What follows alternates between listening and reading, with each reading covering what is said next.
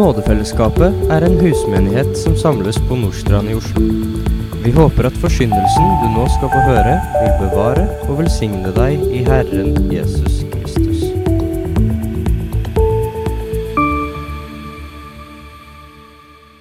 til en overskrift i dag Åndens gjerning.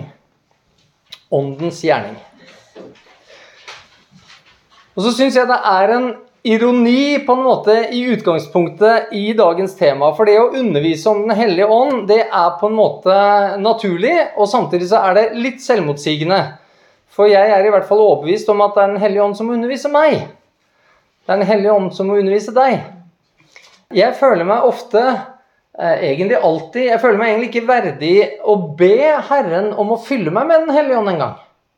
Jeg syns ikke det er står til sånn her inne at, at Han, en hellig ånd, kan ta bolig i meg. Men uten at Gud fyller meg med Den hellige ånd, så kan jeg umulig tale rett ut ifra Guds ord.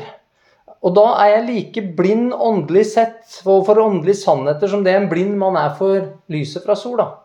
Det kan altså omgi deg overalt. Det kan fylle enhver krok. Og likevel så ser du det ikke. Den hellige ånd han blir ofte knytta til store opplevelser. Til, til, sterke følelser. Til henrykkelser, ristinger, latter, tungetale osv. Så tror jeg at vi gjør vel i å se nøye på hva Bibelen underviser om åndens oppgaver. Og hvilke frukter, både synlige og mindre synlige, som vi kan forvente.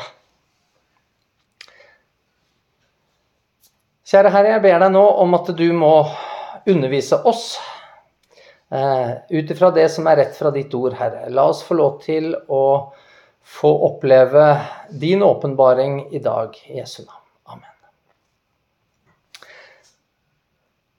Den hellige ånd han har tre oppgaver i en trones liv. og Jeg vil starte med Jesus sine egne ord om åndens oppgaver, som vi finner i Johannes 14. Og det er fra vers 15 vi leser sammen i Jesu navn. Dersom dere elsker meg, da holder dere fast på mine bud. Og jeg vil be Faderen, og han skal gi dere en annen talsmann. For at han skal være hos dere for evig. Sannhetens ånd, som verden ikke kan få. For den ser han ikke, og kjenner han ikke. Dere kjenner han, for han blir hos dere og skal være i dere. Jeg skal ikke etterlate dere farløse. Jeg kommer til dere. Ennå en liten stund, og verden ser meg ikke lenger. Men dere ser meg. For jeg lever, og dere skal leve. På den dagen skal dere kjenne at jeg er i min far, og dere i meg, og jeg i dere. Den som har mine bud og holder fast på dem, han er den som elsker meg. Og den som elsker meg, skal bli elsket av min far, og jeg skal elske ham og åpenbare meg for ham. Judas, ikke Iskariot, sier til ham, Herre, hva er grunnen til at du vil åpenbare deg for oss, men ikke for verden? Jesus svarte og sa til ham, Om noen elsker meg, da holder han fast på mitt ord. Og min far skal elske ham, og vi skal komme til ham og ta bolig hos ham. Den som ikke elsker meg, holder ikke fast på mine ord. Det ordet som dere hører, er ikke mitt, men Faderens, Han som har sendt meg. Dette har jeg talt til dere mens jeg ennå er hos dere. Men talsmannen, Den hellige ånd, som Faderen skal sende i mitt navn, han skal lære dere alle ting og minne dere om alt det som jeg har sagt dere. Jesus han forteller oss her om en annen talsmann. Og Det er fordi at Jesus han har vært talsmann for Gud, for han har, som han sier her, bare sagt de ord han har fått fra sin far. Faderen skal derimot sende en annen talsmann. En annen, men av samme slag, kan man gå ut ifra eh, grunnteksten. Og Det interessante her er at denne nye talsmannen han kommer i Jesu navn. Han kommer altså ved den autoritet og kraft som er i Sønnens navn. Men Sønnen han kom i Faderens navn. Så kommer Den hellige ånd i Sønnens navn. Og Den hellige ånd han blir sendt til oss etter at Jesus levde et fullkomment liv, etter han sona synden og overvant døden. Etter at Gud altså har gitt fullgodt bevis gjennom Jesu liv, død og oppstandelse. Et fullgodt bevis som gjør at Gud nå krever at alle mennesker alle steder skal omvende seg og tro. Og så er det nettopp det Jesus peker på her. Den som elsker meg, han tror. Han tror og holder dermed fast ved alle bud og alle ord. Kjærligheten viser seg altså i lydighet. I Jesus sitt herredømme. Og Den hellige ånd er sannhetsånd, og ingen kan eie sannheten uten å ha blitt gitt ånden. For hvis han er sannhet, så betyr ikke det at han er litt av sannheten. For da kan du ikke være sannheten i bestemt form. Hvis noe er sannheten i bestemt form, så er det 100% sannhet. Det betyr at det finnes ikke sannhet utenfor sannhetsånd.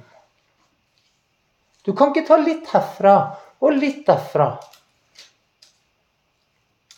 Og Denne sannhetsånd han vitner om Sønnen, og kan være en talsmann for Sønnen fordi Sønnen nå er gitt all makt i himmel og på jord. Jesus er Gud selv, og talsmannen kommer på vegne av ham. Det vi altså ser her, det er Den hellige ånd sitt primære formål. Det er det vi leser om i dette avsnittet. Jesus presenterer han og sier at han først og fremst skal vitne om Gud. Hva Gud har gjort, hva Gud har sagt. Han skulle minne disiplene på hva Jesus hadde sagt. Og dette er viktig, fordi da forstår vi med en gang at evangeliene, som nettopp gjengir hva Jesus sa, det var et helt konkret produkt av Den hellige ånd sitt arbeid. Han forklarer også det Gud allerede hadde åpenbart gjennom sitt ord. Altså med andre ord det som kom før Det nye testamentet. Men så stopper det ikke der. Han skulle gi videre åpenbaring fra Gud. Den åpenbaringen som Jesus lovet sine disipler. Og den fikk de. Og det er det vi finner fra apostlenes gjerninger og ut resten av Det nye testamentet. Og det var en åpenbaring som disiplene på det tidspunktet ikke var klar til å motta ennå, mens Jesus vandra på jorda. Jesus han sier det selv. Ja, 'Jeg har mye jeg ville fortelle dere ennå.' Det er masse jeg ville fortelle dere. Men han, hadde, han, han, han gjorde ikke det da. De var ikke klar for det. Men det ble altså Den hellige, hellige ånds oppgave å lære disiplene alle ting, sier Jesus i dagens tekst her. Alle ting. Han sluttførte altså åpenbaringen av Guds vilje og plan for tid og for evighet. Jeg vet ikke om dere har lagt merke til det, det har dere sikkert. For Jesus han må stadig fortelle sine disipler at de er så trege til å tro alt fra loven og profetene. Etter Jesu oppstandelse så ser vi noe annet. Der ser vi f.eks. Paulus som vitner om at han tjener sine fedres Gud ved nettopp å tro alt ifra loven og profetene. Det er altså noe som har skjedd fra før og etter Den hellige ånd kommer. Og Det er jo fordi Den hellige ånd virka og gjorde at våre nytestamentlige forfattere begynte å forstå sammenhengen. De forsto at alt som står i Skriftene, er viktig. Og Det er derfor Matteus, Paulus, Peter og de andre de stadig refererer til nettopp loven og profetene. Og så prøver de å forklare også oss sammenhengen som de har sett inni. Og så er det mange som fortsatt ikke forstår dette. Flere vil faktisk hekte Det gamle testamentet bort fra kristen tro. Flere, jeg har møtt mange, som vil si at nei da, det er deler av budskapet i Det gamle testamentet. Det er ikke så viktig. Ja, det er ikke så viktig. Og jeg vil si til dere venner at om noen ønsker å hekte bort eller si at det ikke er viktig, det som Jesus sier er primæroppgaven til Den hellige ånd, å forklare for oss da har vi et veldig godt bevis for at Den hellige ånd ikke gjør sin gjerning i det mennesket. nå mottar ikke vi i dag noen ny åpenbaring som, som mangler i Bibelen. Det er enkelte som vil hevde det. Noen eh, til og med som kaller seg hva skal vi si, normale kristne, i anførselstegn, vil si at de får ny åpenbaring. Og så har vi jo sektene, sånn som mormonerne, Jehovas vitner og andre, som har åpenbart fått såkalt ny åpenbaring. Men nei, hvis det var slik, da ville jo faktisk Bibelen motsi seg selv. Den kunne ikke vært sannheten. Den kunne ikke vært drevet av sannhetens ånd. For den lærer at vi skal teste alt på Skriften. Men hvis det altså har kommet noe nytt som vi ikke finner i Skriften, hvordan i all verden skal vi kunne teste det på Skriften? Men akkurat dette at eh, åpenbaringen er fullført, det hindrer jo ikke Den hellige ånd fra å åpenbare en mer helhetlig forståelse av det ordet vi allerede har fått. Fordi kunnskapen den har økt, akkurat som Bibelen sier vil skje. Og det gjør at Den hellige ånd han kan åpenbare dybder i Guds ord som mennesker tidligere ikke hadde samme mulighet til å forstå som vi har nå. Det har både med allmenn si, kunnskap om hvordan skaperverket virker, men det handler selvfølgelig også om det profetiske og oppfyllelse av det. Og Jeg tror også at Den hellige ånd vil gi troende stadig større innsikt i det profetiske materialet som vi nå kan altså oppleve som gåtefullt, som dette speilet som det står om, ettersom Den hellige ånd ser at vi trenger til når tiden for dens oppfyllelse begynner å nærme seg. Det skjedde før Jesus kom også. Hvis man leser litt om messeerne, så ser man at de hadde forstått dette med Jesu komme. At Gud skulle bli menneske osv. Det var noen som hadde forstått det. Det var de som trodde på hele loven og profetene. Et menneske må ha Den hellige ånd boende i seg for å forstå Bibelen rett. Ordet det må åpenbares, og uten at Den hellige ånd får gjort sin primæroppgave, så kan du gjerne være professor i teologi, men det som da blir undervist, det blir mer tullologi enn det blir teologi. For det som intet øye har sett og intet øre hørt, og det som ikke kom opp i noe menneskes hjerte, det har Gud beredt for dem som elsker ham. Evangeliet er det altså ingen som forstår av seg selv. Og uten Den hellige ånd så vil det bli en menneskelig kopi som ender opp med ikke å frelse noen. Men for oss har Gud åpenbart det ved sin ånd. For ånden utforsker alle ting. Også dybdene i Gud. Leser vi i 1. Korinterbrev 2, 9-10.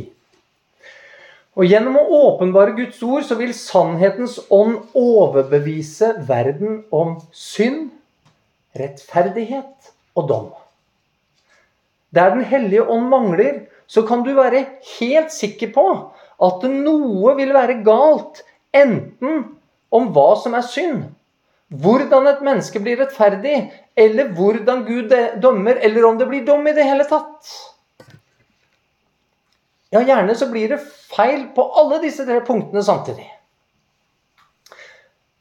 Den hellige ånd han taler altså på vegne av Sønnen.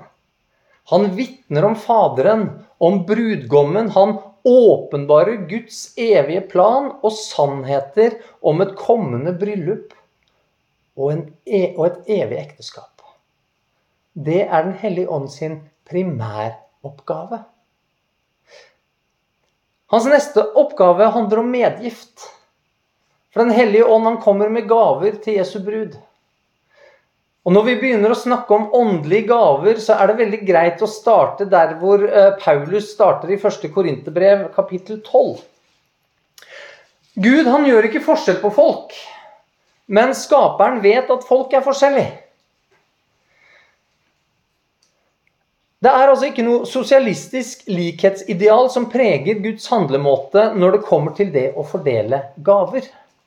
Det er derimot styrt av hva Gud ser er godt og til gagn for hver enkelt. Han behandler oss heldigvis som individ, men han er opptatt av hele menigheten. Og Paulus han skriver da fra vers 4.: Det er forskjell på nådegaver, men ånden er den samme. Det er forskjell på tjenester, men Herren er den samme. Det er forskjell på kraftige virkninger, men Gud er den samme. Han som virker alt i alle. Så det er altså forskjell som preger gavene fra Den hellige ånd. Det er forskjell som preger tjenesten, og forskjell på hvordan virkningene vil være. Og likevel så er Ånden, Herren, ja, Gud er den samme. Og det er jo Han som virker til det gode i alle dem som i sannhet tjener ham. Frelsen er den samme. Men hvordan du derimot forvalter gavene, tjener i oppgavene og virker i handling, det vil variere. Det er en forskjell også der mellom mennesker som Bibelen taler veldig tydelig om. Fundamentet for alle det er Jesus Kristus og hva han har gjort. Men hvordan og om en bruker åndens gaver for å bygge på den grunnvollen, det vil variere. Det kan vi se fra 1. Korinterbrev 3, vers 13-15. Hvordan det verket er som hver enkelt har utført, det skal ilden prøve. Om det byggverket som en har reist, blir stående, da skal han få lønn. Brenner hans verk opp, da skal han miste lønnen. Men selv skal han bli frelst, men da som gjennom ild. Her kunne vi snakka mye om det verset alene, selvsagt, men det har vi ikke tid til i dag. Frelsen er den samme, men lønnen er forskjellig. Det er det vi leser her. Og drivkraften bak hardt arbeid mens en kristen lever her på jorda, om det er lønn, om det altså er lønn som driver deg til å jobbe hardt, så vil det være merkelig og samtidig veldig avslørende dersom du samtidig ikke er opptatt av evig lønn. Jeg vil jo anbefale alle å være lite opptatt av jordisk lønn, men mer opptatt av himmelsk lønn. Og Hvis man er det, så jobber man gjerne hardt. Og man er ikke så opptatt av å begynne å telle overtidstimer. Man er ikke så veldig opptatt av feriedager. Man er ikke så veldig opptatt av pensjonen og telle ned til den. Og Hvis det er slik i ditt liv, da kan Herren gi deg ansvar for å forvalte gaver, og flere gaver, og gi lønn også her i tiden fordi et slikt menneske vil investere klokt for Guds rike. Akkurat dette jeg, har jeg tenkt mye på, det at alt jeg har gjort, skal prøves med ild. Jeg vet at mye av det jeg har gjort, det kommer til å brenne opp. Åpenbart. Et hus som jeg har bygd, det kommer garantert til å brenne opp. Eh, firmaene jeg har bygd opp og drevet, det kommer til å forsvinne. Men så håper jeg ber til Herren at jeg får bruke av Åndens gaver til å bygge noe som blir stående. Uten meg kan dere intet gjøre. Jeg kan altså ikke bygge noe som blir stående i ilden ved mine naturlige gaver. Jeg kunne ha rosa meg av mine naturlige gaver hvis det var det som var så viktig. Men det vil altså ikke hjelpe noen ting når det skal prøves med ild. For det er kun åndens gaver som kan bygge noe som blir stående. Når Herren tar individuelle hensyn, skulle noen av oss da bli misunnelige på at andre har fått åndelige gaver de selv ikke har? Langt ifra. Om det var slik, så måtte en jo også bli like misunnelig på det ansvaret og de oppgaver den andre også er gitt. Vår Herre Jesus han sier i Lukas 12, 48, Vær den som er mye gitt, av ham skal mye kreves. Og den som har fått mye betrodd, av ham skal dess mer fordres. Gavene er altså forskjellige, venner, men Herren er den samme, og han er ikke urettferdig. Det er altså ingen grunn verken for å krype for noen, konkurrere med noen eller hovere ovenfor noen, basert på verken naturgaver eller åndens gaver, for det er jo gaver. Men tjene Herren i Guds frykt skal vi få lov til. Åndens åpenbarelse blir gitt enhver til det som er gagnlig. For til én blir det gitt visdomstale ved Ånden til en annen kunnskapstale ved den samme ånd. En annen for tro ved den samme ånd, en annen nådegaver til å helbrede ved den samme ånd. En annen for kraft til å gjøre undergjerninger. En annen gave til å tale profetisk. En annen gave til å prøve ånder. En annen for ulike slags tunger. En annen tydning av tunger. Alt dette virker den ene og samme ånd, som deler ut til hver enkelt ettersom han vil. Det er veldig veldig tydelig at det ånden han forholder seg til oss individuelt. Det skal vi være veldig takknemlige for. Og så deler han ut gaver. Ikke ettersom vi fortjener. Ikke etter menneskelig målestokk. Ikke etter et ideologisk likhetsideal. Men ettersom han vil. Gaver blir gitt hver, til enhver, da til det som er gagnlig, sier Skriften. Er åndens gaver da bare noe vi sitter og venter på å få? Nei, Skriften den forteller oss i 1. Korinterbrev 14.: Søk med iver å få de åndelige gaver. Søk med iver å få de åndelige gaver. Jeg vet ikke men jeg tror det er ting i ditt liv du har søkt med iver. Har dette vært en av de? Hvordan søker man de åndelige gaver? Jo, Jesus han sier det veldig enkelt. Be, så skal du få. Og dere har ikke fordi dere ikke ber. Det handler altså om å søke det i bønn. Men du kan også søke etter oppgaver i Guds rike hvor du kan tjene, og dermed trenge den utrustningen som bare Gud kan gi. Og jeg kan love deg ut fra egen erfaring at hvis du begynner med det, så vil du veldig fort havne i situasjoner og oppgaver du aldri trodde du kunne gjøre. Som du ikke følte du hadde forutsetninger for. Og det er veldig flott. Fordi med en gang du blir satt inn i oppgaver der du begynner å kjenne på din egen utilstrekkelighet, så begynner du å søke med iver etter å få det du trenger for å gjøre oppgaven tilstrekkelig. Det du selv mangler ut fra rene, naturlige gaver og dine forutsetninger. Og De nådegaver som det ofte både er fokus rundt, men også kontrovers rundt, det er f.eks. slike ting som tungetale og helbredelsens nådegave. Veldig mange mennesker de tiltrekkes av steder der slike ting hevdes å bli utøvd. Sånn var det på Jesus sin tid òg. Og Av en eller annen grunn så brukte Jesus enhver anledning når folk var blitt tiltrukket av sånne type ting, til å komme med et budskap som gjorde at de alle stakk av igjen etterpå. Det er et visst hint i det, tenker jeg noen ganger. Bibelen ber oss om å søke med iver etter åndelige gaver, men den understreker ikke de gavene. Snarere tvert imot når det kommer faktisk det tungetallet, kanskje. i hvert fall. Men det er derimot en annen gave den ber oss om å søke spesielt.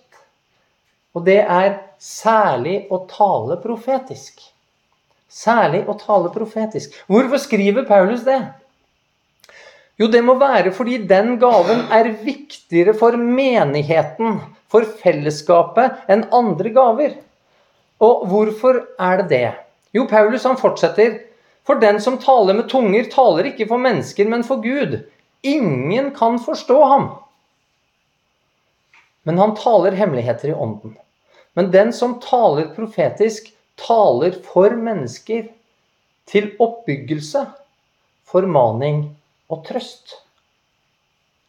Ikke bare for en selv, men altså for hele menigheten. Og så er det vi som med iver søker de åndelige gaver sammen. Det er ikke en individuell iver for at jeg skal bli viktig, eller at jeg skal bli ansett som en eller annen stort i Guds rike, for at jeg skal liksom bygge en eller annen form for åndelig karriere ved hjelp av åndelige gaver som jeg har søkt med iver å få. Nei, Tenker jeg slik, så er jeg veldig kjødelig. Da er jeg veldig egoistisk. Og hadde jeg fått noen gaver, så hadde jeg sløst de bort og misbrukt de. Nei, det er altså som menighet vi søker åndelige gaver for at de skal bygge oss opp i fellesskap. Og så gleder vi oss med hverandre over enhver gave som Ånden vil gi til enhver av oss. Spesielt om vi får del i profetisk gave. Fordi den bygger opp og formaner og trøster oss som fellesskap. Og den opprettholder sannhet, og den hindrer misbruk.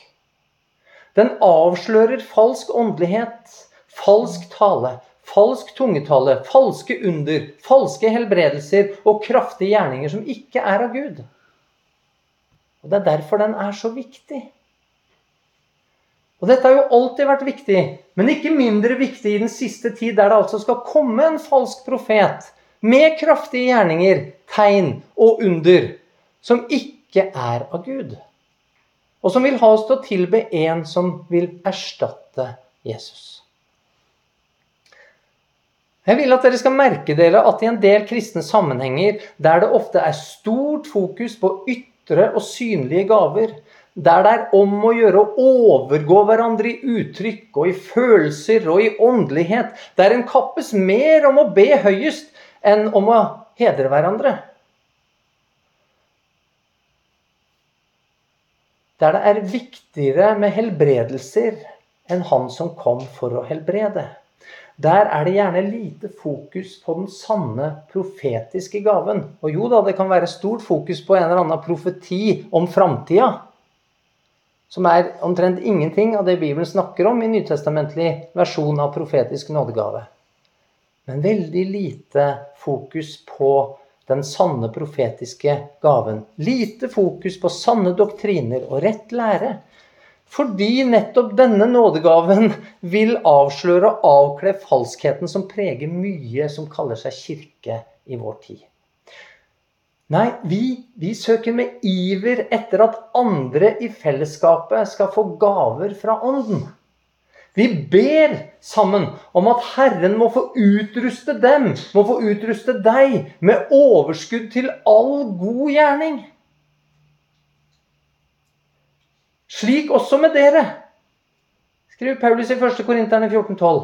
Siden dere nå med iver søker de åndelige gavene, så søk å få dem i rikt mål. For at menigheten kan bli oppbygget. I Romerne 12 så skriver Paulus.: For ved den nåde som er meg gitt, sier jeg til hver og en blant dere at en ikke skal gjøre seg høyere tanker enn en bør. Men en skal tenke sindig i forhold til det mål av tro som Gud har tilmålt hver enkelt. Tenk på det. Det er også ikke bare gaver som er forskjellige, men mål av tro er forskjellig hos hver enkelt. Som enkeltpersoner så skal vi også være sindige og så skal vi ikke gjøre oss høyere tanker om oss selv enn det det er grunnlag for. Nei, vi vil ha ett sinn innbyrdes. Trakt ikke etter det høye, men hold dere gjerne til det lave. Vær ikke selvkloke. Når vi med iver søker etter nådegaver For det er det vi gjør, er det ikke? Så gjør ikke noe av ærgjerrighet eller av lyst til tom ære. Men akt hverandre i ydmykhet høyere enn dere selv. Ingen må bare se på sitt eget, men enhver må også ha de andres gang for øye. Så leser vi Filipperne 2, 3, 4. Og så fortsetter Paulus i Romerne 12. For på et legeme har vi mange lemmer. Men ikke alle lemmer har samme gjerning. Slik er vi også ett legeme i Kristus, enda vi er mange. Men hver for oss er vi hverandres lemmer.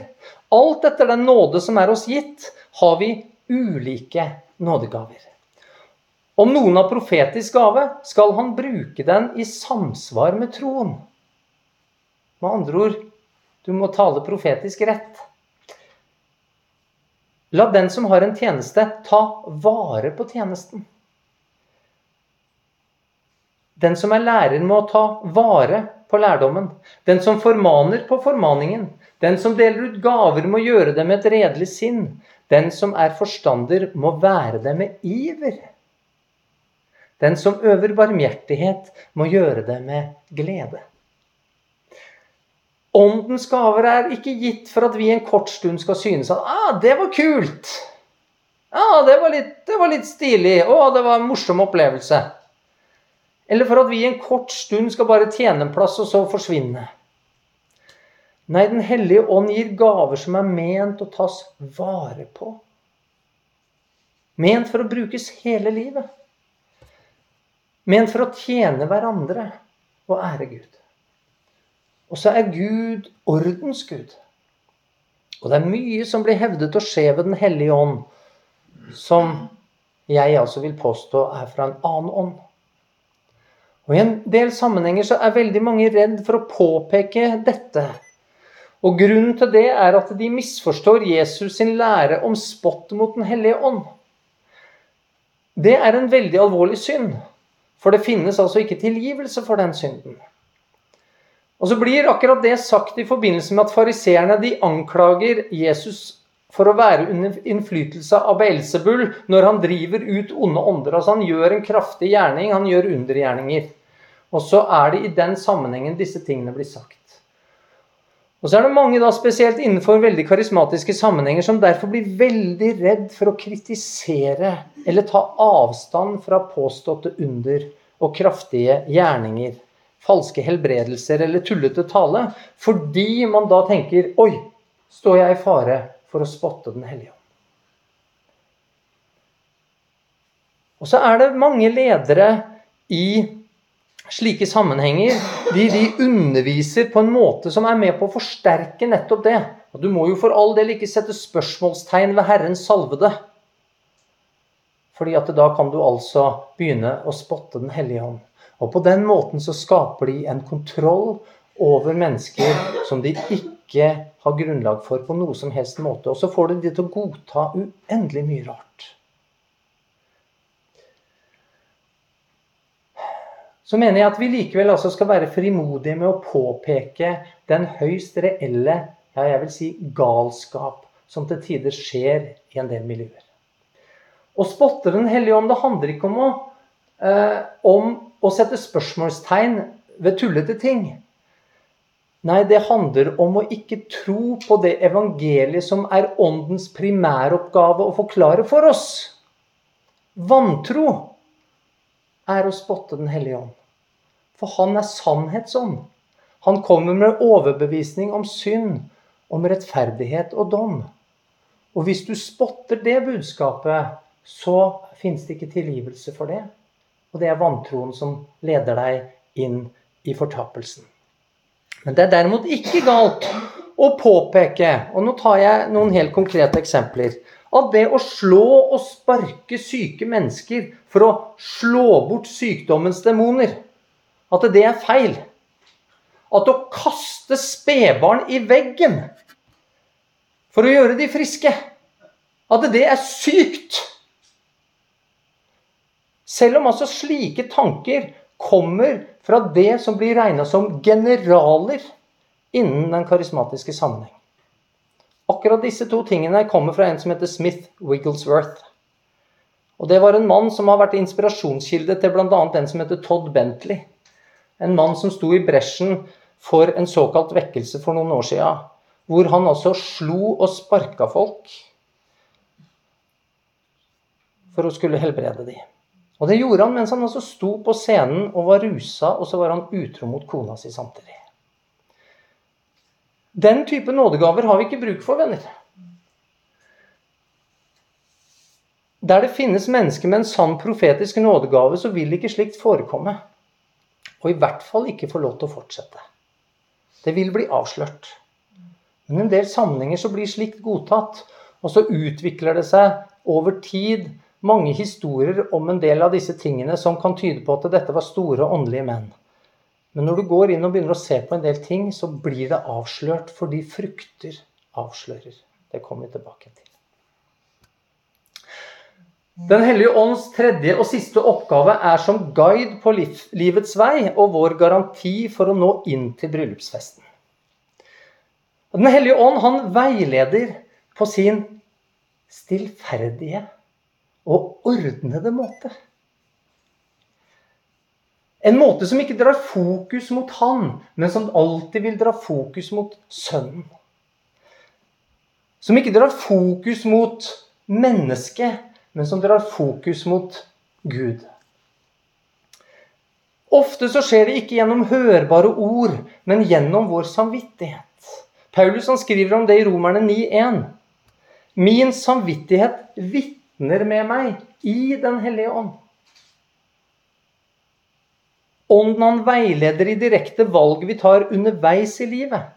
Paulus og Timoteus opplevde dette veldig konkret. Vi kan lese om det eh, fra apostelgjerningene kapittel 16, 6 og 7.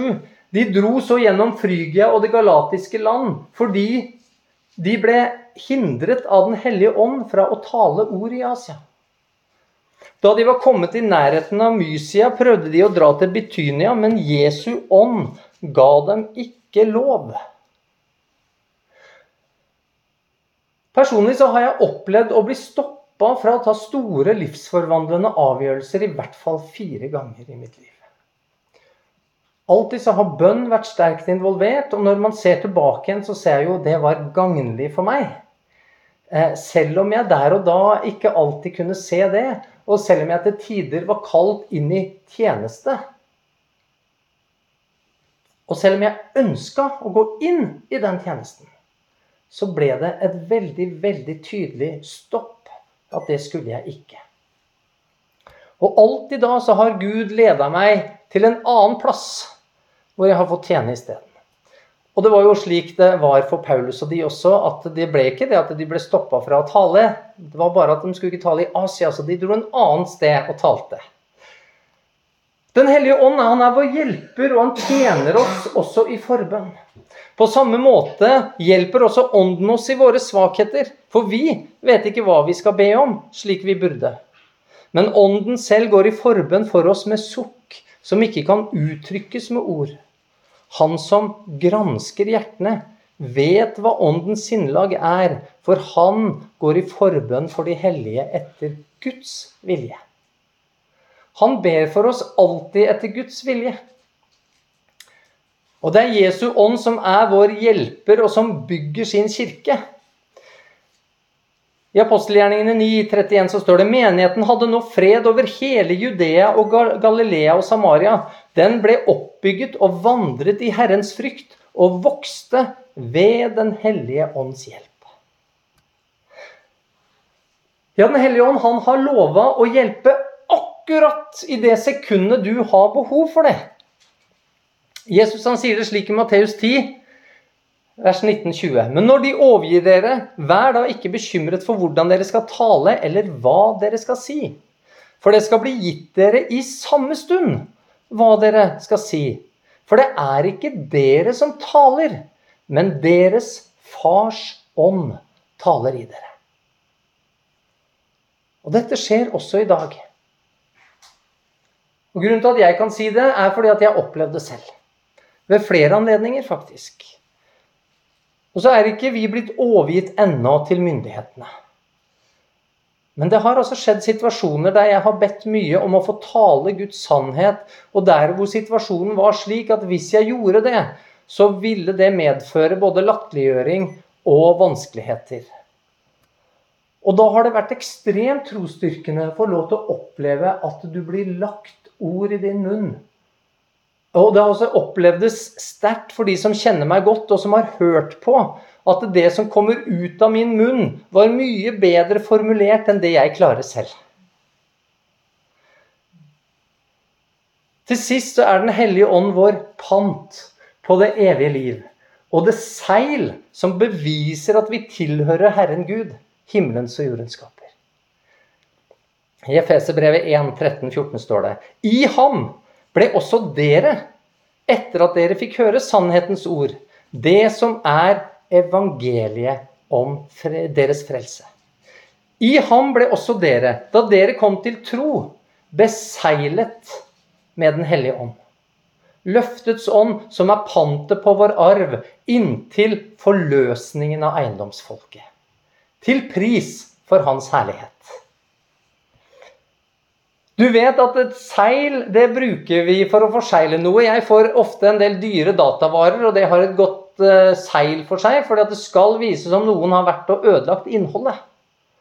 For hvis innholdet er ødelagt, så vil jeg ikke ha det.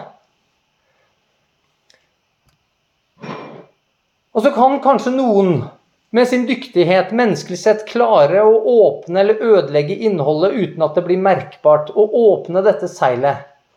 Men tror du det er mulig der hvor Gud har forseglet noe med sitt eget seil?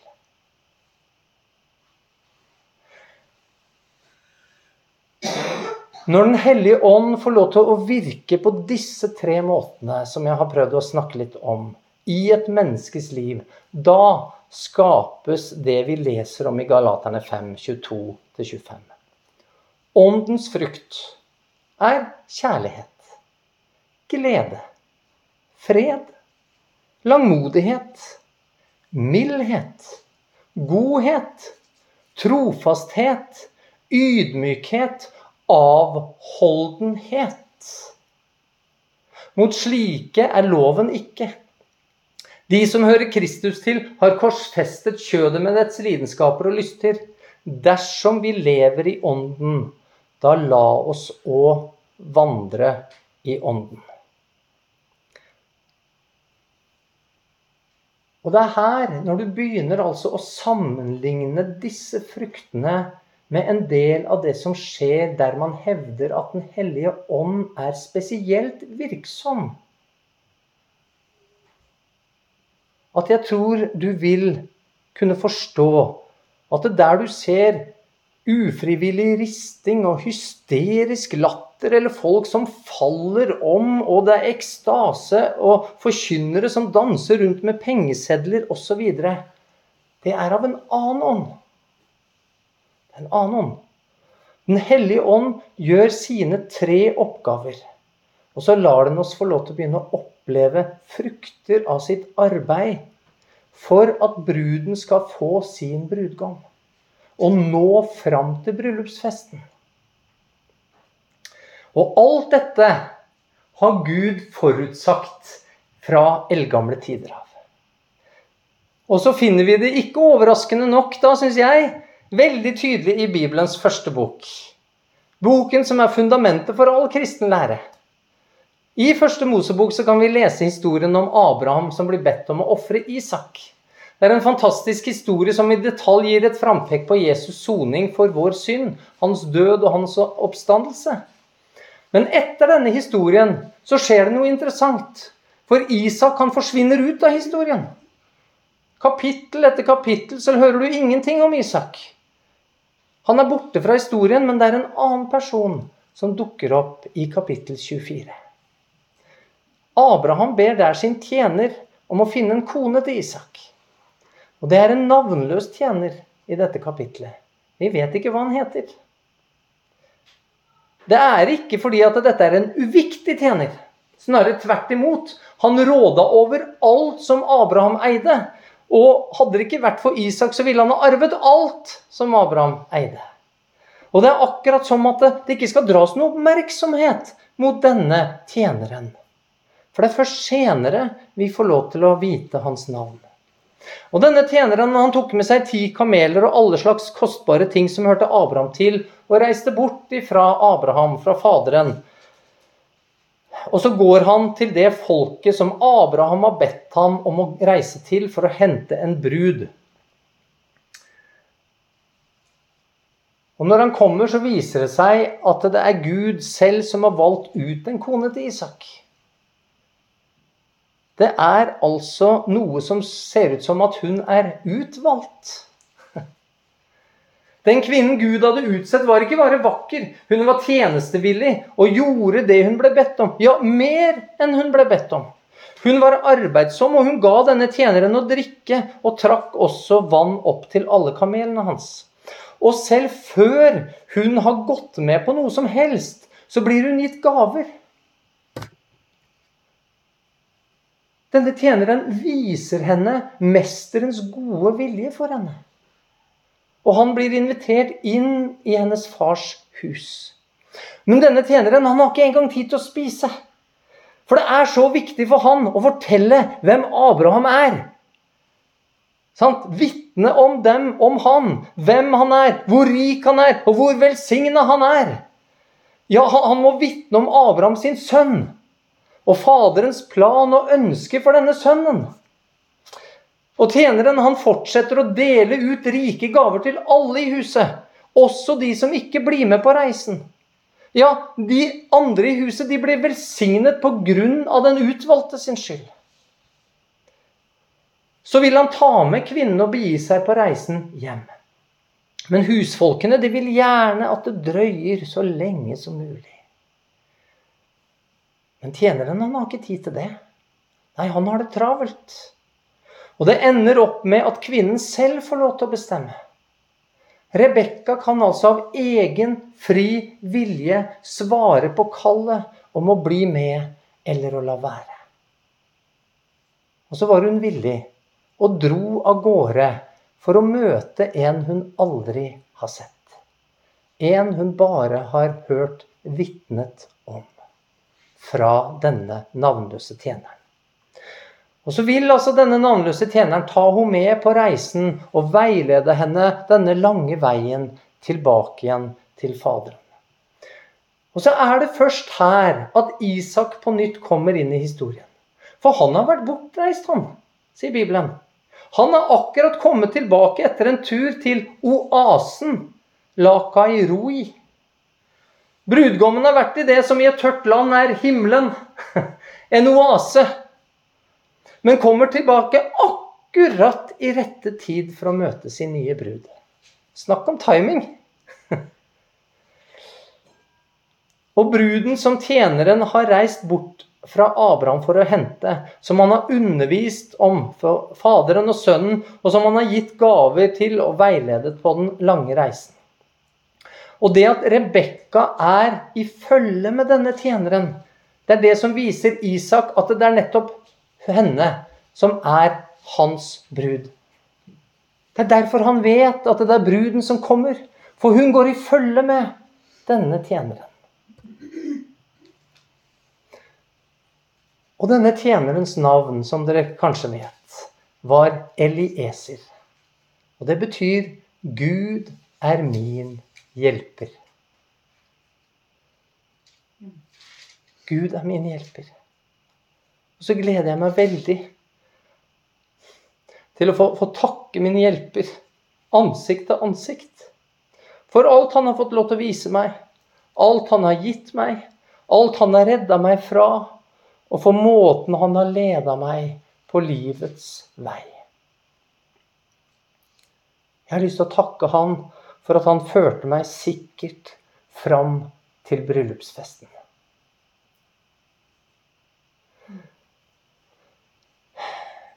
Kjære Herre, vi takker deg for ditt ord.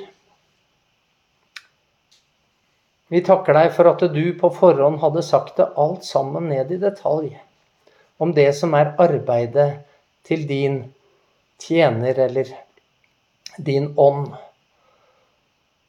Vi takker deg, Herre, for at du har gitt oss Den hellige ånd. Det er den største gave vi har fått.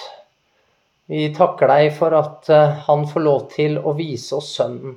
At han får lov til å vise oss din plan for tid og for evighet, din plan for vårt liv. Vi takker deg for de gavene som han gir oss. Vi ber, Herre, om at vi som fellesskap kunne få lov til å med iver søke de åndelige gaver. Ja, at vi kunne få de i rikt mål, slik at dette stedet kunne bli et sted hvor vi får lov til å tjene både hverandre og ære deg, og at mennesker som kom hit, virkelig kunne få se at ja, i sannhet så elsker de hverandre. Vi ber deg, Herre, om at du ved din ånd må få lov til å føre oss på veien hjem. Om den veien blir lang, om den blir kort, om den blir vanskelig eller lett, Herre, så har du lovet å gå med. Du er vår pant på vår evige skatt. Du er satt ditt seil på oss for at ingen skal kunne rive oss ut av din hånd. Og det takker vi deg for, Herre og Gud, i Jesu navn. Amen.